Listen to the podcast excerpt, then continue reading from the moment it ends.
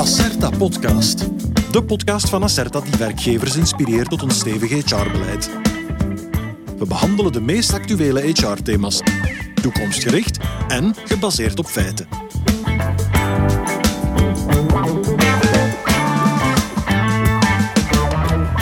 Op het hoogtepunt van de coronacrisis was ruim 1 miljoen Belgen tijdelijk werkloos. Het Internationaal Monetair Fonds voorspelt dat minstens 100.000 mensen hun job ook effectief zullen verliezen. Nochtans kunnen ontslagrondes vermeden worden volgens Acerta, toch wanneer bedrijven elkaar onderling helpen door medewerkers te gaan delen.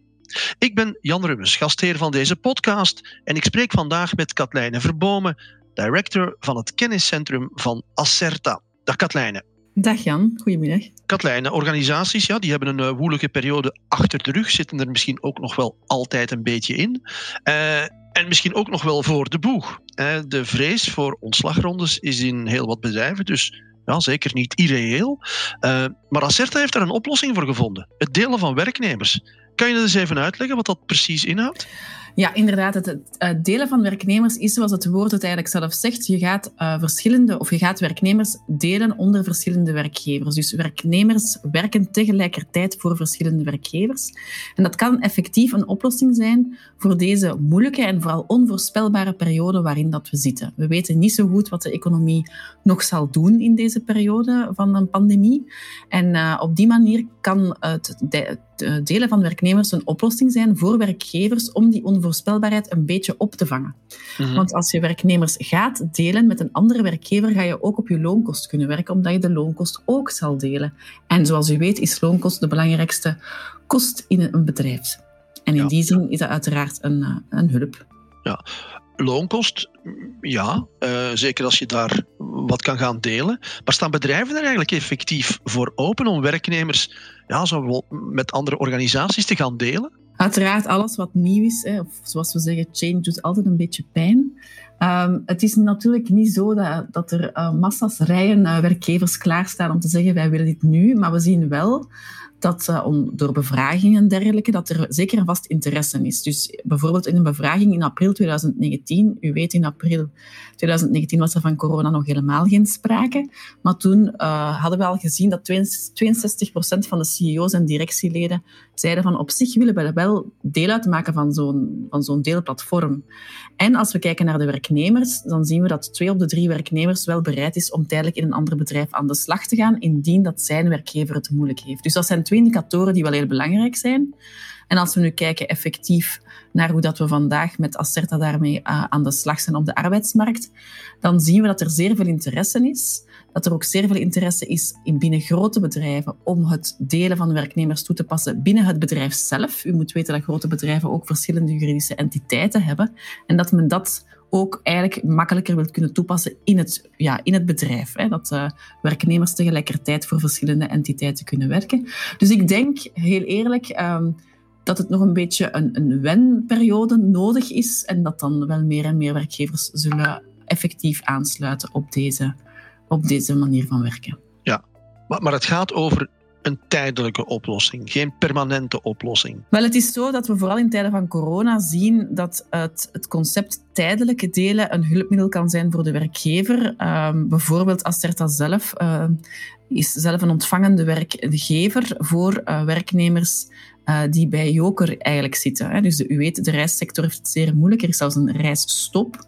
Wel, um, wij nemen tijdelijk uh, vandaag uh, enkele werknemers van Joker over, maar we doen, dat, inderdaad telkens met een tijdelijk contract. En in die zin geeft dat wel zuurstof aan de uitledende organisatie. Kan je naar een definitieve oplossing gaan? Ja, dat kan absoluut. Um, dan is de vraag, ga je nog voor één werkgever werken of ga je toch nog altijd voor verschillende werkgevers willen werken? Als je voor één werkgever op termijn dan gaat werken, ja, dan stopt het concept effectief van delen, hè, want dan word je niet meer gedeeld. Maar uh, een tijdelijk gegeven kan dus een definitief gegeven worden, dat klopt. Ja, maar je hebt daar nu een concreet voorbeeld gegeven. Stel dat dat probleem zich daar niet herstelt, hè, dat het personeelsoverschot niet beter wordt. Ja, was het dan niet beter geweest om maar meteen tot ontslag over te gaan? Want eigenlijk is dat dan een beetje uitstel van executie, als ik dat woord uh, een beetje fout mag gebruiken? Nee, absoluut niet. Uh, het is zo dat het een hulpmiddel is voor de verschillende uh, partijen die hier aan, aan meewerken. Denk hè, aan de werknemer in kwestie, de uitledende organisatie, de inledende organisatie en de overheid. Hè. Dat zijn de vier stakeholders dat we gaan definiëren. Wel, voor iedere, iedere stakeholder is het een win. Waarom? de werknemer zelf krijgt perspectief het is een tijdelijk gegeven in zijn hoofd. In principe hè, wil hij ook terugkeren. Hij wil ook de band met zijn oude werkgever behouden en dat kan. Dus dat is een positief verhaal. Voor de uitledende werkgever kan hij tijdens die periode zuurstof happen omdat zijn loonkost uh, wordt uh, positief geïmpacteerd. Met andere woorden, hij moet minder uh, loonkost gaan betalen. De inledende werkgever die is blij, want die heeft een talent erbij. En de overheid moet geen werkloosheidsuitkeringen betalen. Dus in die zin is het altijd een win. En is het zeker en vast de moeite om ook de tijd te geven aan die uitlenende organisatie, om te gaan kijken hoe gaat het nu met zijn, met, met zijn situatie, gaat het beter of niet? Hè? Als de rijstop morgen gedaan is, zal het nog natuurlijk een beetje duren vooraleer er terug groene cijfers worden gedraaid, maar het helpt wel die werkgever om erdoor te geraken en dus ook op termijn zijn eigen talent terug te nemen. Mm -hmm. uh, dus in die zin is het, is het zeker de moeite waard om het tijdelijk uh, te doen. Ja, interessante oplossing voor werkgever, werknemer, overheid. Zijn er nog andere voordelen trouwens? Ja, vooral het, uh, ik denk het, psychologische aspect voor de werknemer. Hè. Dat mag je niet onderschatten. Uh, werken geeft identiteit, uh, zoals je weet. En als een, zo'n periode te lang duurt van bijvoorbeeld tijdelijke werkloosheid, want dat is een voorbeeld waarin dat dan het delen van werknemers een oplossing kan zijn, dan zien we toch wel dat dat begint te wegen op het psychosociaal welzijn van die werknemers. En in die zin is het dus een niet te onderschatte win uh, voor de werknemer. En voor de werkgevers zelf, ja, zij, leren nieuw talent kennen. Het is ook een vorm van, ja, een, een soort van elkaar leren kennen. Hè. Misschien dan op die, op die manier een lange termijn engagement uh, aan te gaan. Ja. Katlijne, kan eigenlijk elke werknemer gedeeld worden? Of, of gaat dat over bepaalde profielen? Nee, nee, nee. Iedereen kan gedeeld worden. Elke werknemer uh, kan gedeeld worden, of je nu arbeider bent of bediende bent. Um, en eigenlijk in de feite, een interimovereenkomst is eigenlijk al een vorm van delen. Dus een interimkracht is al een gedeelde kracht. Hè. Dat is eigenlijk de meest courante vorm van het concept delen van werknemers. Dus iedereen ja. kan gedeeld worden. Ja. En heeft een werknemer eigenlijk zelf de keuze om, om al of niet in te stappen in zo'n bridge-project? Absoluut, dat is een van de vereisten. Hè. Dus de vrijwilligheid om hier aan deel te nemen is uh, cruciaal. Um, en een werknemer kan nooit gedwongen worden om hierin te stappen. Dus in die zin uh, is het wel uh, een van de belangrijkste voorwaarden om het project ook te doen slagen. Ja. En stel dat hij ergens dan aan de slag is bij zo'n andere organisatie, maar ja, het bevalt hem op de een of andere manier dan toch niet en hij, hij zou er dan toch mee willen stoppen. kan dat? Ook dat is mogelijk. Hè. Dat heeft ook te maken met die vrijwilligheid. Maar dat zijn zaken die altijd op voorhand worden besproken. Dus uh, je moet ervan uitgaan dat uh, de bridge zich voornamelijk focust op werkgevers die willen delen. Hè, en niet zozeer uh, de werknemers in scope nemen. Hè. We gaan ons gaan focussen waar zitten de overschotten, waar zitten de tekorten. En in de, in de meest ideale geval kunnen wij verschillende werknemers tegelijkertijd delen tussen twee organisaties. Dan worden er ook afspraken gemaakt. En die afspraken die gaan onder andere over wat als. Wat als er een terugroeping is naar uh, de uitlenende organisatie. Wat als uh, een werknemer er toch mee zou willen stoppen? Wat als een uh, werknemer zelf door de inlenende organisatie wilt overgenomen worden enzovoort. Dat zijn zaken die effectief best op voorhand worden doorgesproken, op papier worden gezet en op het moment zelf heel helder, heel helder zijn. Hè? Dus dan is daar ook geen spanning over. Ja, maar dat kan ook, hè, dat een werknemer definitief overstapt naar die andere organisatie. Ja. Ja, ja, inderdaad. Het kan uh, zodanig ook meevallen hè, voor elke partij. Um, dat, uh, dat er zelfs luidop al wordt gesproken, zal ik maar zeggen, van zullen we niet overgaan naar een definitieve overeenkomst voor die werknemer. Maar het kan, dat kan dus eigenlijk zowel op vraag van de inlenende, de uitlenende werkgever als de werknemer zelf zijn om er een definitief verhaal van te maken. Dat klopt. Je hebt het daar straks al even aangehaald, maar zou je nu al durven spreken van een, uh, een, een succesvol bridge-project? Of, of, is het nog een beetje te vroeg? Het lijkt me nog wat vroeg. Um, zoals het altijd gaat met een innovatie, en zeker de innovatie op de arbeidsmarkt, die zeker in België een hele, uh, we hebben een heel goed geregelde arbeidsmarkt. Maar dat maakt ook dat als, die, als er zaken gebeuren die net buiten het gewone vallen, het ook iets moeilijker wordt om dat ja, direct te laten werken. Um, wel, we zien toch wel dat er um, uh, succes is in de zin dat er zeer veel interesse is. Ik denk dat dat al een belangrijke succesfactor is. Maar om te gaan uh, bekijken hoeveel mensen er vandaag al effectief worden gedeeld, en dan heb ik het niet over interimkrachten, of dan heb ik het niet over mensen met een, um, een bijvoorbeeld een, een, combinatie van in loondienst zijn met een zelfstandige in bijberoep, hè, want dat is ook een vorm van delen. Maar dan heb ik het puur over werknemers uh, die gedeeld worden, dan is het nog net te vroeg. Maar de geesten moeten wat rijpen en ik ben ervan overtuigd dat we binnen zeker 1, 2 jaar al wat anders gaan praten. Dus een mentaliteitswijziging op dat vlak is eigenlijk al in volle gang. Durf je dat zeggen? Dat durf ik zeker zeggen. En zoals met vele nieuwe dingen op de arbeidsmarkt heb je vaak twee generaties nodig voor het volledig wordt geïncorporeerd. Dus ik ben nog altijd gunstig gezind dat dat zal gebeuren. Ja. ja. En voor mij is het een nieuwe vorm van recruteren. Uh, Jan. Dus in die zin um, zal het ook uh, het klassieke vorm van recruteren gaan wegdringen, maar dat heeft wat tijd nodig. Hmm. Zijn er ook hinderpalen waar jullie tegenaan lopen? Ja, je zou kunnen zeggen in eerste instantie dat het niet zo evident was om te gaan kijken wat kan er nu wettelijk. Um, maar wij hebben tegelijkertijd door die exploratie van die wetgeving ook gemerkt dat er wettelijk geen hinderpalen zijn. Uh, we kunnen in het huidig wettelijk kader effectief aan de slag gaan. En uh, de basis was, is, die, of is de wet van 87, die ook het verbod op ter beschikking van personeel definieert, maar die ook zegt, maar er zijn ook uitzonderingen waarin het delen van werknemers wel kan. En we hebben dat allemaal in kaart gebracht, ook uh, naar rechtspraak gaan kijken. En we zien dat er zelfs wettelijk uh, geen obstakels meer zijn. Het gaat er meer over um, ja, mensen of werkgevers uh, zijn toch nog wel wel bang aan het kijken naar geeft dit niet een administratieve overlast, geeft dit niet meer werk voor personeelsdiensten. En dat zijn zaken waar dat we nu aan aan het werken zijn om toch zoveel mogelijk te gaan automatiseren. Dus in die zin zou je over een kleine hinderpaal kunnen spreken, het potentieel aan meer administratie. Ja, wat is eigenlijk het verschil tussen uh, gaan bridgen of een interimcontract? Heeft de bridgepersoon eigenlijk al ergens werk en wordt dan uitgeleend door aan iemand?